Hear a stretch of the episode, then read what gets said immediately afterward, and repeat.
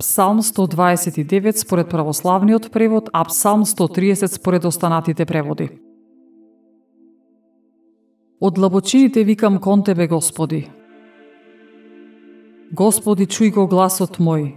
Ушите Твои нека го чујат гласот на молењето мое. Господи, ако гледаш на беззаконијата, тогаш кој ќе се одржи, Господи? Но во Тебе има простување, за да Те почитуваат. Заради името Твое, Господи, чекав долго на Тебе. Чекаше душата моја на Твојот збор. Душата моја го чека Господ, од утрената стража по доноќината. Од утрената стража нека се надева Израел на Господ. Зашто милост е во Господ и голем е откупот во него. И тој ќе го избави Израел од сите негови беззаконија.